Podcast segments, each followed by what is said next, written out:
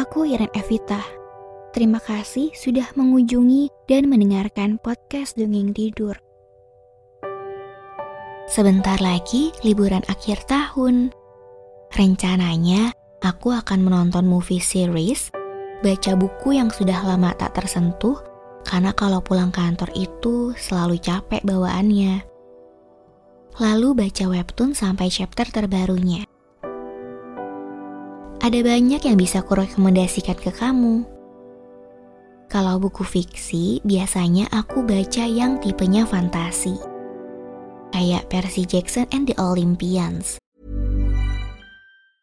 Hiring for your small business? If you're not looking for professionals on LinkedIn, you're looking in the wrong place. That's like looking for your car keys in a fish tank.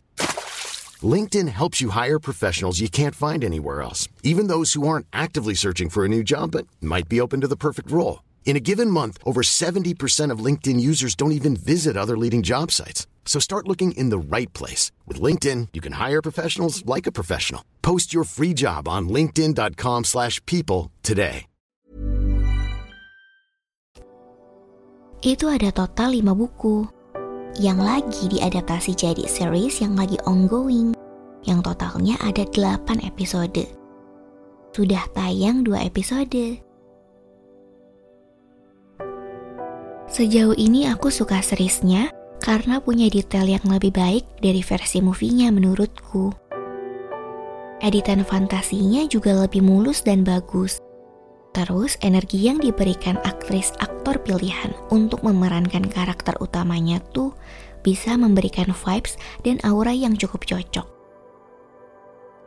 Aku jadi makin gak sabar deh buat nontonin hingga episode terakhirnya. Tapi kamu ku rekomendasikan baca bukunya Percy Jackson and the Olympians karena seru. Aku tuh emang cari buku yang kayak the nextnya Harry Potter dan gitu loh Terus ketemu deh sama si Percy Jackson ini. Oh, sama Miss Peregrine's Home for Peculiar Children. Ini juga epic dan cara pembawaan novelnya tuh sinematik gitu, unik banget pokoknya. Terus selain genre fantasi, aku juga baca genre detektif kayak detektif Minecraft.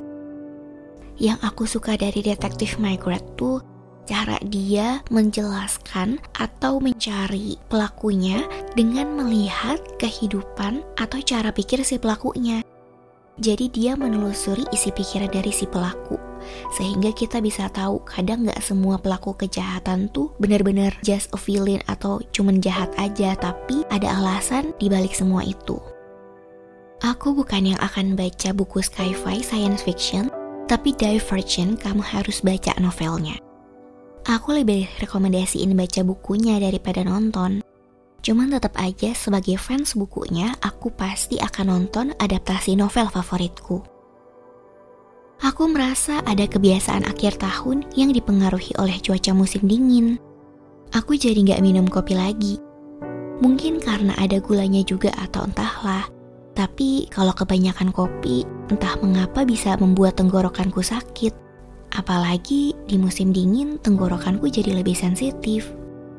Makanya aku ganti ke teh chamomile yang lembut di tenggorokan dan bisa membuatku rileks. Kadang kalau misalnya lagi susah tidur, aku juga minum teh chamomile. Kalau lagi bosan teh chamomile, aku ganti ke Earl Grey tea. Teh hitam yang ada hint of jeruk bergamot di rasa dan wanginya.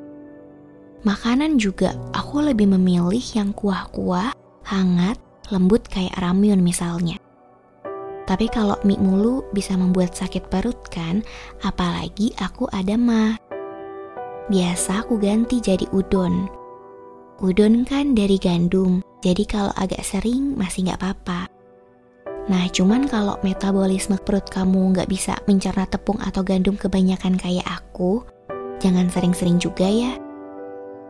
Bisa juga diganti dengan banyak jenis sup kayak sup ayam dan sup jagung. Atau dulu nih pas aku sekolah suka dibilang, Ren makanan kamu kok warna-warni.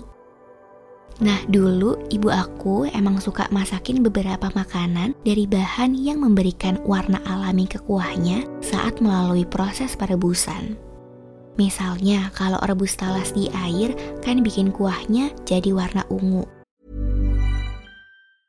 Many of us have those stubborn pounds that seem impossible to lose, no matter how good we eat or how hard we work out. My solution is PlushCare. PlushCare is a leading telehealth provider with doctors who are there for you day and night to partner with you in your weight loss journey. They can prescribe FDA-approved weight loss medications like Wagovi and Zepbound for those who qualify. Plus, they accept most insurance plans. To get started, visit plushcare.com slash weight loss. That's plushcare.com slash weight loss. There's never been a faster or easier way to start your weight loss journey than with PlushCare. PlushCare accepts most insurance plans and gives you online access to board-certified physicians who can prescribe FDA-approved weight loss medications like Wigovi and Zepbound for those who qualify. Take charge of your health and speak with a board-certified physician about a weight loss plan that's right for you. Get started today at plushcare.com slash weight loss. That's plushcare.com slash weight loss. plushcare.com slash weight loss. Kuah angka warnanya merah. Kuah kunyit warnanya kuning. Kuah lobak warnanya kayak coklat muda gitu. Apalagi ya warna yang belum? Hitam kali ya? Unik untuk makanan gak sih? Kamu ada tahu makanan yang bisa bikin warna kuah secara alami jadi warna hitam atau warna lainnya yang belum kusebut nggak? Jangan sebut pakai pewarna ya. Maksudnya yang secara alami natural membuat warna air kuahnya jadi gitu setelah proses rebusan. Bisa info-info aku ya dengan reply Q&A di platform ini atau DM ke IG atau Discord aku. Beneran mau ku cobain loh. Soalnya aku penasaran dan terlihat menarik. Nah, itu adalah rencanaku untuk menghabiskan liburan akhir tahun di 2023. Kalau kamu, bagaimana rencanamu menghabiskan liburan akhir tahun? Ada buku yang kamu rekomendasikan untuk aku baca di liburan akhir tahun ini kah? Kalau begitu, malam ini aku memilih dongeng Pangeran Katak, cerita dari Grimm's Fairy Tales. Semoga lekas tidur dan bermimpi indah. Pada suatu fajar, seorang putri yang masih muda memakai topi dan sepatunya siap untuk bepergian sendirian ke dalam hutan. Setibanya di air danau musim semi yang sejuk, di mana bunga mawar mekar di tengah-tengahnya, duduklah putri untuk beristirahat sejenak. Ia sedang menggenggam bola emas di tangannya yang adalah mainan favoritnya. Ia melempar bola itu ke udara dan menangkapnya lagi saat turun. Ia memainkannya berkali-kali hingga bola yang ia lempar sangat tinggi kali ini tidak tertangkap tangannya. Melainkan bergelinding di tanah dan tercemplung masuk ke dalam danau. Putri menengok ke dalam air danau mencari bola emasnya, namun airnya sangat dalam sampai-sampai tidak terlihat ujungnya. Putri meratapi kehilangannya dan berkata, "Oh, jika aku bisa mendapatkan bola emasku kembali, aku akan memberikan semua pakaian dan perhiasan terindah yang kupunyai." Saat Putri berbicara, seekor katak mengeluarkan kepalanya dari dalam air dan berkata, "Putri, Mengapa kamu terisak sedih sekali seperti itu? Apa yang bisa kau lakukan untukku, wahai kata kotor? Bola emasku telah jatuh ke dalam air danau. Balas putri. Aku tidak ingin mutiara, perhiasan, atau baju bagusmu.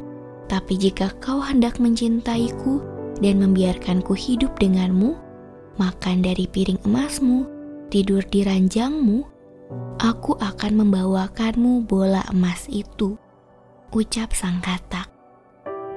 Omong kosong, katak bodoh itu benar-benar bisa bicara.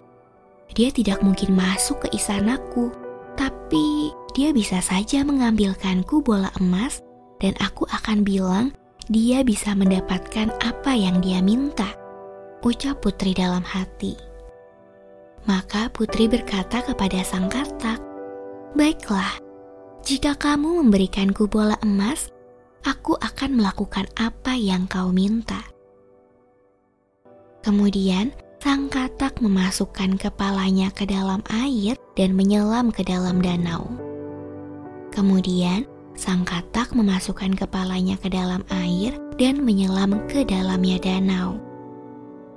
Setelah beberapa saat, ia muncul ke permukaan air dengan bola emas kesayangan putri di mulutnya dan melemparnya ke tepi danau. Begitu putri melihat bola itu, ia langsung mengambil dan berlari secepat mungkin ke dalam istana. Putri sangatlah kegirangan bisa mendapatkan mainan favoritnya lagi dan kembali ke dalam rumahnya tanpa memikirkan sang katak sama sekali. Jangan pergi putri, berbaliklah dan bawa aku bersamamu seperti ucapanmu tadi. Teriak sang katak. Namun, putri tidak berhenti untuk mendengarkan sepatah kata pun. Esok harinya, sang putri baru saja duduk untuk makan malam. Kemudian ia mendengar suara aneh. Tap, tap, plash, plash. Seolah-olah ada sesuatu yang mendatanginya dari tangga marble di luar ruang makannya. Kemudian ada suara ketukan pelan di pintu ruangan dan suara yang meringis berkata, Bukakan pintu, wahai sang putri. Bukakan pintu untuk cinta sejatimu di sini. Ingatlah ucapan dan janji kita di dekat air danau yang sejuk di bawah naungan pepohonan hijau. Kemudian putri berlari ke pintu itu dan membukanya. Benar saja, ia melihat sang katak yang telah dilupakannya sejak kejadian saat itu. Melihat pemandangan ini, putri menjadi agak takut dan menutup pintu secepat mungkin, kemudian berlari ke tempat duduknya kembali. Sang raja, ayah putri, yang baru memasuki ruang makan, melihat anaknya ketakutan sehingga ia bertanya, "Ada apa?" Ada seekor katak kotor di luar pintu itu, Ayah, yang membantuku mengambilkan bola emas kesayanganku dari dalam danau pagi ini. Aku bilang padanya bahwa ia bisa tinggal denganku karena aku pikir ia tidak akan keluar dari dalam danau. Tapi sekarang katak itu di luar pintu dan dia ingin masuk. Ucap Putri.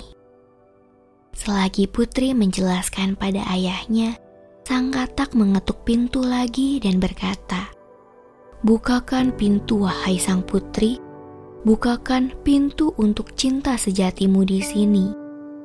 Ingatlah ucapan dan janji kita di dekat air danau yang sejuk di bawah naungan pepohonan hijau. Mendengarnya, sang raja berkata pada putri kecilnya itu, Nak, kamu telah mengucapkan janji yang harus kamu tepati. Jadi pergilah padanya dan bawa dia masuk. Maka putri melakukannya dan sang katak melompat masuk ke dalam ruangan. Tap, tap, plash, plash. Saat sang katak tiba di bawah kaki meja makan di tempat duduk putri, ia berkata, Angkat aku ke kursi dan biarkan aku duduk di sampingmu. Putri pun melakukan yang diucapkan sang katak.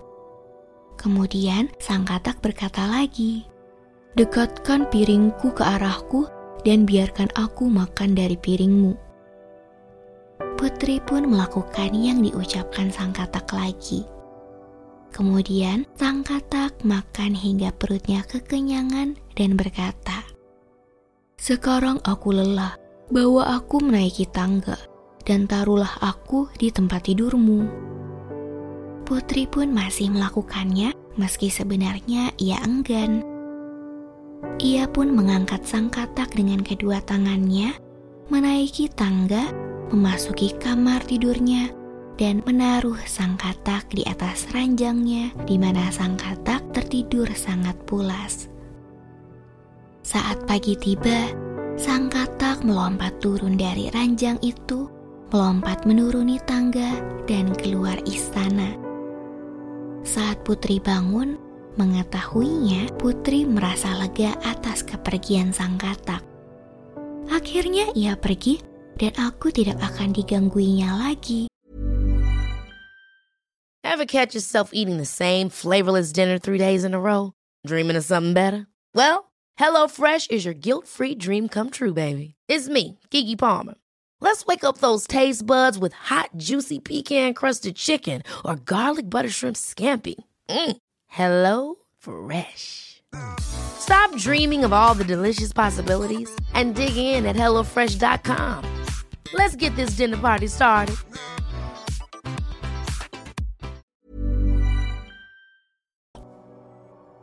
Namun Putri salah, karena malam harinya sang katak kembali mendatangi ruang makan dan mengetuk pintu. Sekali lagi ia berkata, Bukakan pintu wahai sang putri, bukakan pintu untuk cinta sejatimu di sini. Ingatlah ucapan dan janji kita di dekat air danau yang sejuk di bawah naungan pepohonan hijau. Dan ketika putri membukakan pintu itu, sang katak masuk kembali, makan dari piring putri, dan tidur di kamar putri seperti hari sebelumnya. Saat pagi tiba, sang katak kembali meninggalkan istana. Di hari ketiga, rutinitas ini diulangi lagi. Namun kali ini Putri terbangun saat subuh sebelum sang katak meninggalkan kamar. Betapa terkejutnya Putri. Bukannya seekor katak yang ia lihat, melainkan seorang pangeran tampan sedang menatap padanya dengan mata terindah yang pernah ia lihat selama ini. Sang katak yang kini diketahui sebenarnya. Ternyata seorang pangeran tampan pun memberitahu sang putri kebenarannya bahwa ia disihir oleh peri pendendam yang mengubahnya menjadi katak dan akan kembali ke wujud normal jika ada seorang putri yang mau mengeluarkannya dari danau, membiarkannya makan dari piring yang sama, dan tidur di kamarnya selama tiga hari berturut-turut.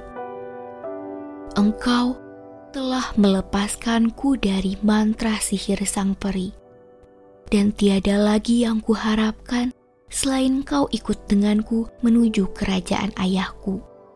Mari menikah di sana, dan aku akan mencintaimu seumur hidup.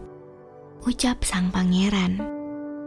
Sang putri mengiyakan ajakan dan lamaran sang pangeran. Kemudian mereka berangkat menggunakan kereta dengan delapan kuda gagah yang dihiasi bulu dan pakaian kuda keemasan. Di kursi belakang ada pelayan sang pangeran, Henrich yang setia, yang bersedih atas kemalangan pangerannya selama ia tersihir untuk waktu yang sangat lama. Kini hatinya lega setelah melihat kutukan itu telah lenyap dari tuannya. Setibanya sang pangeran dan putri di kerajaan ayah pangeran, mereka melangsungkan pernikahan yang meriah dan indah dengan penuh kegembiraan menyelimuti seisi kerajaan. Dan sang pangeran hidup berbahagia bersama sang putri untuk waktu yang sangat lama.